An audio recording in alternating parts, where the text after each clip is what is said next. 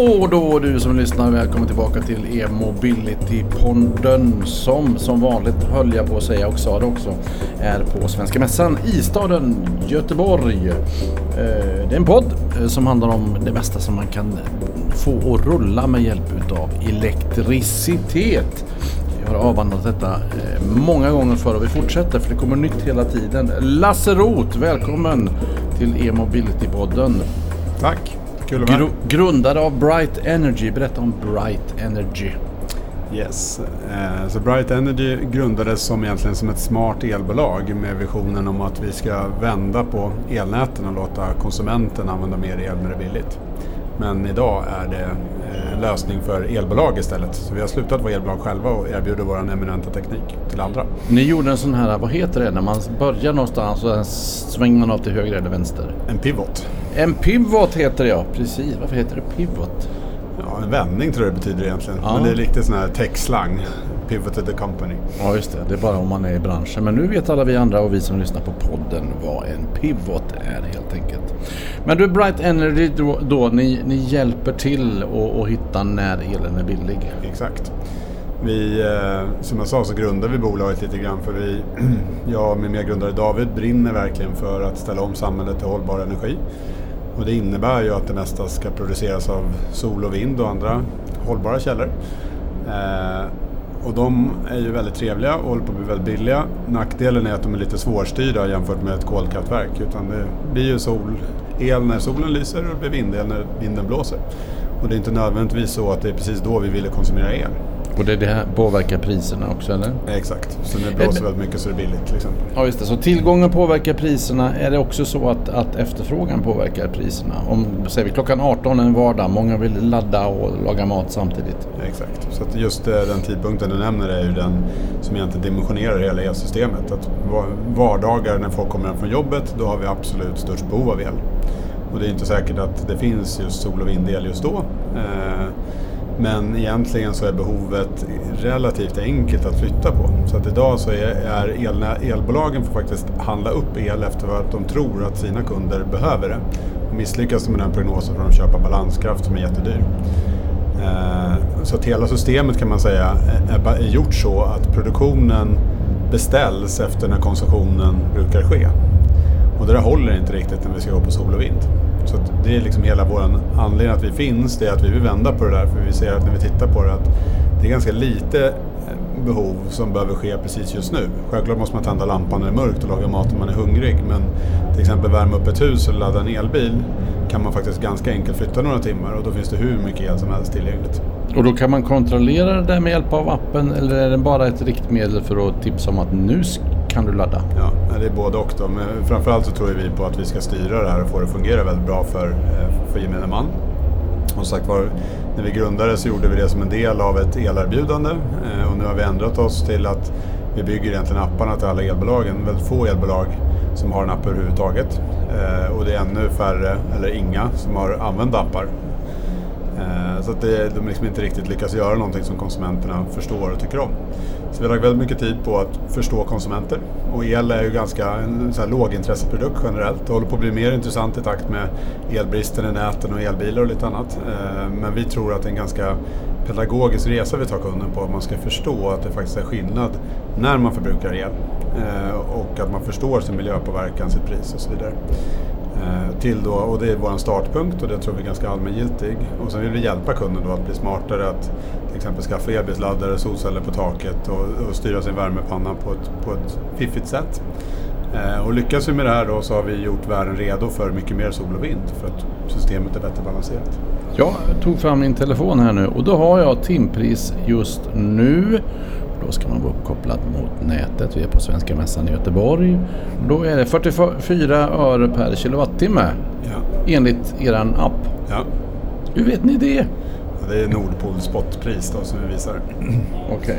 Eh, Och då, vi- då kan man också se att det är pedagogiskt här. För just nu är det en gul pinne som sticker Ja. upp. Och så om framåt 16, 17, 18 då blir pinnarna röda. Ja. Nu är det faktiskt den gamla varianten av vår app du tittar på. Men vi, vi, i den nya varianten så har vi precis samma sak. Men Ja. vi har också en prognos, ett AI-baserat system som berättar vad ditt hus kommer konsumera den timmen.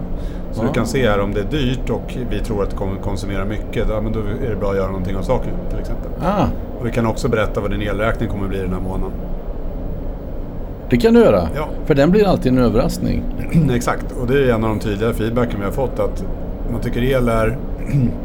Enda gången man tänker på el eller när man får en elräkning och önskar att man hade gjort någonting förut men då är det redan för sent. Så att varje dag, eller varje timme för den delen också, så säger vi baserat på vår så att säga, prognos för ditt användande, väder och lite annat så kan vi berätta vad din miljöpåverkan kommer vara, hur många kilowattimmar du kommer använda och vad priset kommer bli den här månaden. Och då har du faktiskt chans att göra någonting innan du får den där obehagliga överraskningen. Och den kommer inte vara en överraskning heller för du vet vad, det kommer, vad den kommer vara. Ah, den här appen då eh, är lite grann som, som ens funktion som pappa eller mamma. Man går in och släcker efter tonåringarna och fäller ihop datorn. Det kan man göra. Det kan man göra. Men vi vill inte egentligen jobba med pekpinnar. Vi vill göra att det här ska bli ganska liksom, enkelt att förstå. Och Ja. också sen så tror vi att när man förstår det här så tror min personliga tro i alla fall att väldigt få vill anpassa sig när de tvättar kläder till exempel efter elpris för att spara en krona. Däremot så skulle jag gärna vara kund hos ett bolag där jag kan trycka på en knapp och allt det här optimeras på ett bra sätt. Till exempel Jag skulle vilja starta min tvättmaskin i natt mellan klockan två och tre. Ja. Eh, Förutsatt att jag inte har grannar både ovanför och under. Men eh, skulle man, alltså kan du, skulle man kunna tänka sig att man kontrollerar elförbrukningen? Min eh, tvättmaskin funkar faktiskt så. För det finns en, vi integrerar med något som heter If This Then That. Ja. Och då finns Samsungs maskiner integrerade där. Så kan man sätta att den ska startas fördröjt och då startas den när elpriset blir lågt istället. Om man tycker det är kul. Ja, eller om man vill spara pengar och miljö. Vad Och bra. miljö. Men bi- elbilar är ju ännu bättre. Det är ju det vi har satsat mest på. Och om man till exempel då har en Tesla som jag har. Eh, så när man kommer hem så sätter man i sladden som vanligt. Ja. Och så loggar jag in med mitt Tesla-konto i Bright-appen. Och säger att jag vill att min bil ska vara färdig klockan åtta på morgnarna. För det är då jag åker. Ja. Och då går Bright in och stoppar laddningen och tittar vilken effekt du hade, hur mycket batteri du hade kvar och så planerar vi upp när den bilen ska laddas och så laddas den på de bästa timmarna. Och så är bilen klar på morgonen. Superlistigt. Behöver aldrig liksom, bestäm dig en gång och sen funkar det hela tiden. Så det är väldigt, väldigt enkelt och otroligt värdefullt.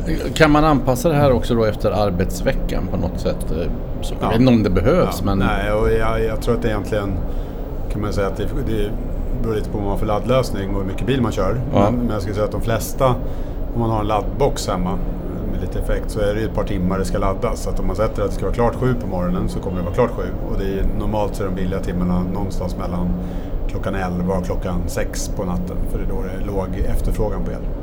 Alltså alla de timmarna där, eh, om man är gammal nog och har gjort lumpen och fick göra eldvakter i tältet på manöver, när det var som jäkligast och man skulle ha igång brasan, då är det billigt. Oftast. Ja, Oftast. Och Du, ibland- körde, du- körde du Teslan från eh, Stockholm till Göteborg denna dag? Ja. Hur gick det då? Ja, det var ett, inget roligt väder. Vaknade med, det var snö i Stockholm, snöslask och eh, i Södertälje så började det snöstorm i stort sett. Så det var inte så kul. Eh, Fick du ladda längs vägen? Ja, den ska, normalt kommer jag väl 43-44 mil så jag borde nästan ha tagit mig till Göteborg. Men i Norrköping fick jag ladda lite första gången efter 15 mil. Eh, så den drog väl 4 kilowattimmar per, eh, per mil ungefär. I snö, snömodd och motvind. Okej, och så fick du ladda i Ödeshög igen. Ja, precis. Det är inte långt emellan Ödeshög och... Nej, jag laddade bara lite grann i Norrköping. Men jag kom inte till, först skulle jag komma till Ödeshög, men Ja. eftersom det var snöslask så sa det efter ett tag att du får ladda fem minuter i Norrköping också. Men du tog dig sen till Jag Göteborg? tog hit sen. Ja. Sen var det glashalka i Ulrikshamn också. Och där var det Oj. olyckor och grejer. Så det var en resa. Ja, spännande. Eh, och lite obehagligt. Det är högre, ligger högre upp där, Borås och Ja, Ulricehamn. precis. Då är det sämre väder. Du, eh, ska vi se? Men vi pratar om appen här då. Eh, pedagogisk, lätt att förstå och då har jag till och med den gamla versionen. Men du Ja. har varit inblandad i utformningen utav Spotify. Berätta om det.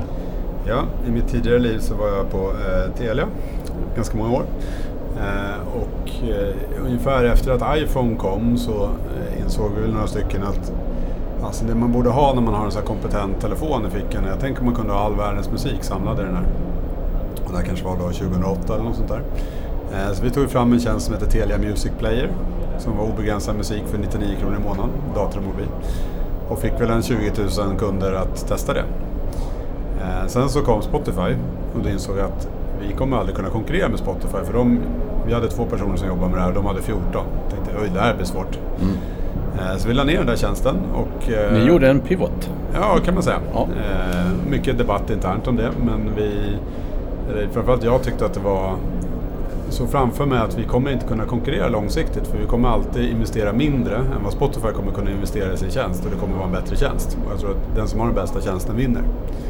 Så att det var en sån här livsläxa ur mitt eget perspektiv att jag glömde, mig själv, jag glömde ställa mig själv frågan hur blir jag bland de bästa i världen på det här? För kan man inte svara på den frågan så ska man inte hålla på med det.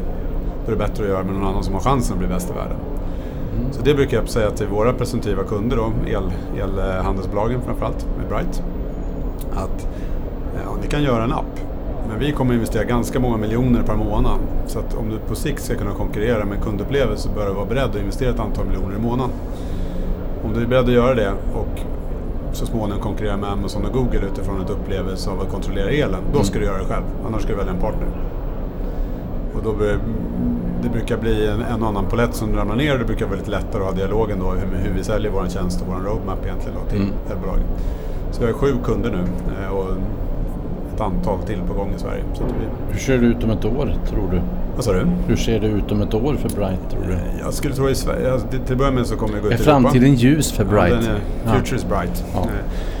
Eh, nej men redan nu så är väl det som vi har kontrakterat och där vi har fått muntligt besked att vi ska kontraktera så kommer vi finnas i var tredje svenskt hushåll. Så det är väl ganska starkt. Och jag tror att vi når upp hälften till hälften också.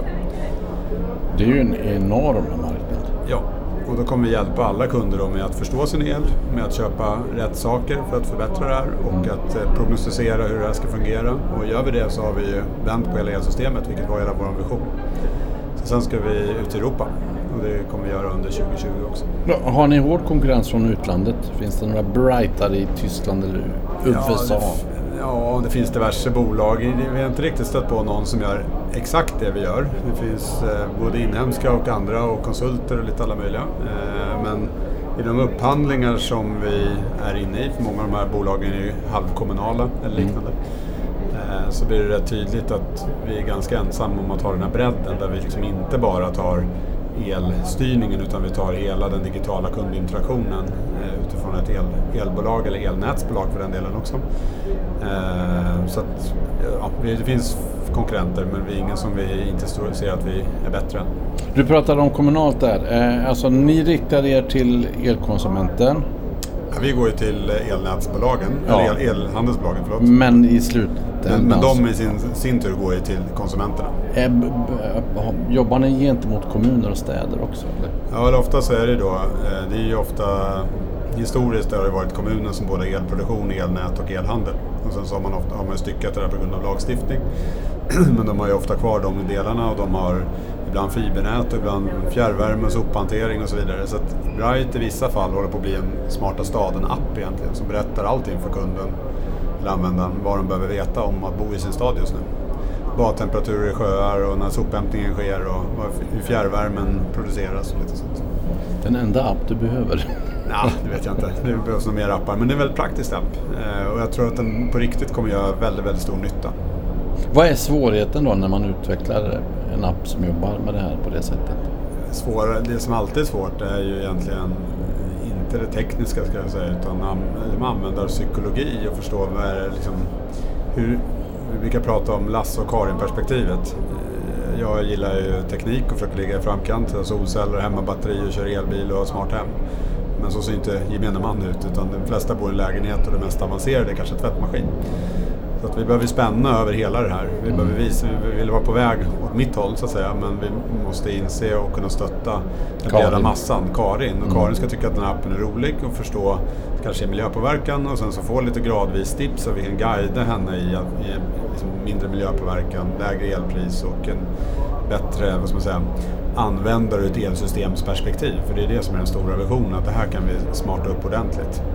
Men in, det här innebär ju då dels gentemot elbolagen men också gentemot konsumenterna att du faktiskt kan påverka dels ditt eget miljöavtryck men sen också eh, ekonomiskt. Ja. Och tittar man på det idag så i Sverige så skiljer det inte så här extremt mycket på spotpriset mellan en dyr och en billig timme de flesta dagar. Eh, och sen ovanpå det så har vi en elöverföringsavgift från nätet och vi har moms och skatt. Och moms och skatten är eh, framförallt skatten är statisk, den bryr sig inte om vad elpriset är. Vilket gör att mycket av den här procentuella påverkanseffekten av att välja rätt timme försvinner för att skatten är stel. Så det har vi faktiskt skrivit en debattartikel om att det är verkligen konstigt incitament att om elen blir gratis eller till och med negativt pris så försvinner ju effekten av det på grund av att jag får ändå betala skatt. Mm. Medan när priset är högt är skatten liten. Så det, om man jämför med alkoholskatten så är det ju tvärtom. Den tar ju till mig egentligen att vi straffbeskattar det här när det, ju 80% skatt när, när elen är billig och 30% skatt när elen är dyr. Det borde vara tvärtom. Men, men så i stort sett menar du att, att så som du eller ni på Bright skulle vilja då. Så exempelvis ta den här timmen runt 18 när, ja. när många använder. Där borde det egentligen läggas. Det borde vara tre gånger så dyrt. En straffskatt helt enkelt. Ja, eller, det är populärt eller, att komma med sådana förslag. Nej, men jag tror inte man behöver höja skatten. Men man kan, anpassa, man kan ta samma skatteuttag. Man fördelar om det över timmarna. Så att det blir mycket större incitament för att inte belasta elnätet och vår samhällsinfrastruktur eh, när vi har brist. Och ofta vid brist är då vi får importera smutsig kolel och liknande också. Inte alltid men ibland. I stort sett en trängselskatt för elnätet. Exakt, och det kommer ju ett elnätsperspektiv. Vattenfall ska införa det bland nästa år. Då.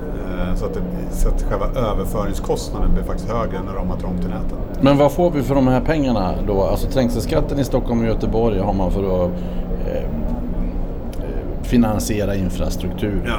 Eh, I alla fall. Vad får vi för de här trängselskattpengarna i el? Ja, alltså, tyvärr så är det mest eh, nätägarens eh, aktieägare som får, får något. Men jag tror alternativet skulle vara att bara höja rakt över för alla. Och i och med att man höjer då bara istället när det är trångt i nätet som faktiskt är det som kostar. Det mm. kostar ju liksom inte annars, för nätet är byggt och dimensioneras efter när det behövs som mest. Så jag tror att istället man gör så och ger en trängselskatt i elnätet om man kallar det för det, eh, så blir det mindre trängsel och därmed behöver man höja avgifterna mer än man behöver, behövt gjort annars. Är elen generellt sett för billig i Sverige? Nej, det tycker jag inte att den är. Men däremot så tror jag att min vision, eh, eller min vision, vad jag tror på, och det är väl andras visioner egentligen, det är ju att inom tio år så är el gratis och effekt kostar pengar. Jäm, förklara det för mig.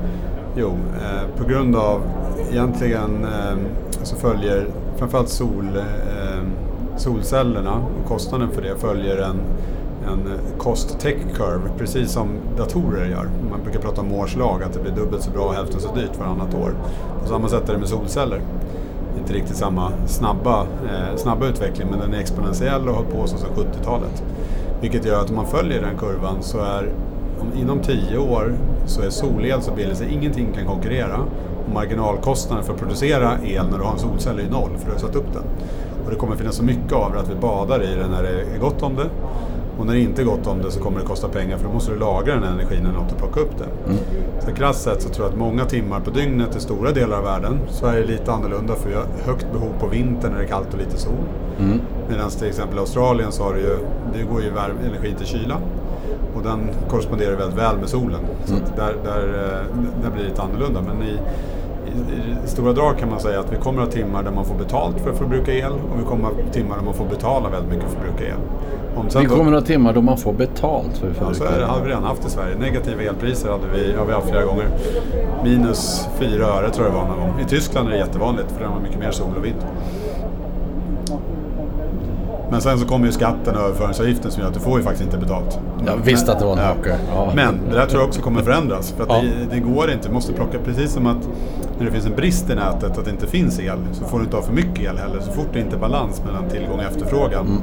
så får du inte 50 hertz i nätet längre. Och då går näten sönder. Så då måste du liksom antingen addera energi eller bränna ur energi. Och i Sverige kastar vi 16 terawattimmar per år av det här skälet. Och överföringsförluster och lite annat. What? Vilket skulle räcka till i princip alla Sveriges elbilar. Men du, det, det, här låter som flygplanen som dumpar bränsle innan de ska landa ja, ungefär. nästan så. Ja, nu har vi flugit för ekonomiskt. Nu ja. Och jag tror att det är inte säkert att man kan fånga allt det där men det illustrerar hur extremt viktigt det är att ha balans mellan tillgång och efterfrågan. Mm. Och idag så är det egentligen konsumtionen dum. Den sker när den sker och så ska vi se till att producera. Och producera är ju svårt, så att när man ska ersätta då ett kolkraftverk eller ett kärnkraftverk med solel, då måste man jobba med batterier. Mm. Och batterier kostar minst en krona att spara en kilowattimme ett batteri. Då. Så det blir väldigt dyr el. Men du, eh, appen då, eh, mm. jobbar ni för att integrera den även med biltillverkarna? Ja, exakt. Så vi, har, vi är integrerade med, med Tesla och vi tittar och utvecklar flera andra. Men framförallt så tror vi på att integrera mot laddboxarna För att i de nya moderna laddboxarna kan man få batteristatus från bilen. För det är det vi vill ha för att göra riktigt smart laddning. För annars vet man inte hur, mycket, hur länge vi behöver ladda och då kan vi inte planera det. Eh, nackdelen med att fråga bilen hela tiden, laddar du, laddar du, laddar du, är att det faktiskt kostar lite energi att fråga också. Så den vill man, vill man helst inte göra hela tiden. Så det blir ännu bättre om man pratar med laddboxen istället för då kommer den säga Hej nu satte någon i en sladd här. Mm. Det var en Tesla, den har 70% batteri och den vill ha 90% och, och den här användaren vet vi vill ha bilen klar klockan sju på morgonen och då kan vi planera det. Så då styr vi laddlådan istället för att styra bilen. Eh, så det jobbar vi väldigt mycket med eh, och jag tror det kommer bli väldigt bra. Eh, och det är väldigt efterfrågat av, av Rides kunder, det vill säga elbolagen. Mm. Och det är ju också en viktig del om man tittar på vad, hur ser framtiden ut för ett elbolag. Om man tänker sig att elen är gratis, jag, jag säljer el här och el kommer vara gratis, effekt kommer kosta pengar. Så att elbolagen, deras marknad om tio år kommer vara en tjänst det är tjänsten att få mitt liv att fungera ur ett energiperspektiv. Mm. Och det kan vara, du kanske säljer 21 grader till mig istället för att sälja kilowatt, kilowattimmar. Och de säljer en laddad bil istället för att sälja kilowattimmar, till mm. exempel. Okay. Så att alla de här grejerna ska fungera och solceller ska finnas på alla tak och det ska vara lätt att installera. Det är ganska komplexa frågor att på ett snyggt sätt lösa för användare. Så det där vill vi hjälpa dem med. Men det här är ju någon, någon slags paradigmskifte. Det här är, ja, det är inga köper CD-skivor längre för du får alltid för 100 spänn på Spotify. Ja. Ehm, och, och, är vi på väg mot någonting liknande med elhandeln? Ja, alltså som jag nämnde, om man tänker sig en omställning då där el ofta är gratis och ibland kostar mycket pengar. Så skulle jag nästan påstå att det kommer påverka världen mer än digitaliseringen har gjort. What? Ja. Tittar du på fossil infrastruktur, om den skulle vara fully disrupted inom tio år, ja. vilket de här cost tech curvesen faktiskt säger att de kommer vara, så har du en snittbelåning på 75 procent på dem. Och det är alltifrån själva oljekällan, riggarna som pumpar upp det, du har eh, pipelines, du har tankers, du har raffinaderier och bensinmackar. Eh, om de är belånade med 75 procent så finns det inte en bank i världen som kan täcka den konkursen. För det är ungefär 100 000 gånger så stort som Young Bonds var i USA 2008 som nästan kraschade i hela världen. Så det, där har du en ganska gigantisk förändring. Plus att tittar du på energikostnaden i vilken produkt som helst så är den extremt stor. Det är alltifrån transport till tillverkning av olika delar och så vidare. Och om man helt plötsligt då kan tillverka den här produkten i Saudiarabien med kostnad noll på energi för att de har täckt hela öknen i solceller. Då vänder det upp och ner på hela ekonomin. Helt plötsligt så flyttar Kina till där solen är så att säga. Mm. Eh, och transporter kostar inga pengar längre och så vidare. Så det, liksom, det går knappt att överblicka hur stor påverkan det får. Energi är så pass viktigt att vi tar inte ens med det i inflationsindexet. För att skulle vi göra det så skulle liksom hela inflationsindexet styras av energi. Så det säger lite grann om slagkraften i gratis el, dyr effekt. Det är någonting som snurrar och spinner i mitt huvud just nu. Ja, vet. Det är svårt att förstå. Ja, men det är nästan så att börja prata kosmos. Ja. Man, det, man, en planet förstår vi, men ja. sen resten här bara... Gud vad spännande Lasse det här är då. Och det här jobbar du med ja. varje dag? Hela tiden. Hela tiden. Vad är roligast då med ditt jobb skulle du säga? Det, det, jag tycker om att fundera. Jag funderar mycket på trender och var världen är på väg. Jag tycker det här är något jag är ganska säker på vart det är på väg. Eh, och sen att få jobba med det utifrån eh, som att vi hittat ett sätt att paketera det här som är extremt uppskattat och där vi nu ser att vi, ja, användarna gillar det också, inte bara våra kunder. Och att faktiskt på riktigt kunna förändra världen, för det är det vi pratar om. Utan ett förändrat elsystem så kommer inte den här hållbara eh, revolutionen fungera, eller bli försenad i alla fall. För du kan inte stoppa in mer solceller eller vindkraft. För det kommer, liksom- då kommer den producera på fel timme och det kommer gå till waste och det kommer gå för långsamt. Så att gör vi det här nu som vi håller på att göra så har vi en rejäl påverkan på Sverige.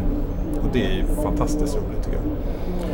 Cool och intressant. Det började med en app och sen gick vi förbi Spotify så landade vi i Rädda hela världen. Ja, exakt. Lasse Roths jobb varenda dag. det är inte jag som ändrar världen men det är kul att bidra till det. Och jag tänker lite grann med jag tror många sover dåligt med eh, växthuseffektsproblemet som vi har. Och då känns det extra roligt tycker jag att ska man då lägga sin idékraft och sin hjärna på något så är det väl liksom att lösa det problemet som man borde fokusera på. Och då är det kul om man kan kombinera det. Ja, men det är gött att man kan få skicka lite hopp och tända ett ljus, ett bright ljus någonstans Precis. mitt i det här. Vad det blev reklam för eh, ert företag här. Ja, så kan det bli. Ja. ja. Du, eh, kul att du var med i E-mobility-podden. säger jag tack. Tack för att jag fick komma.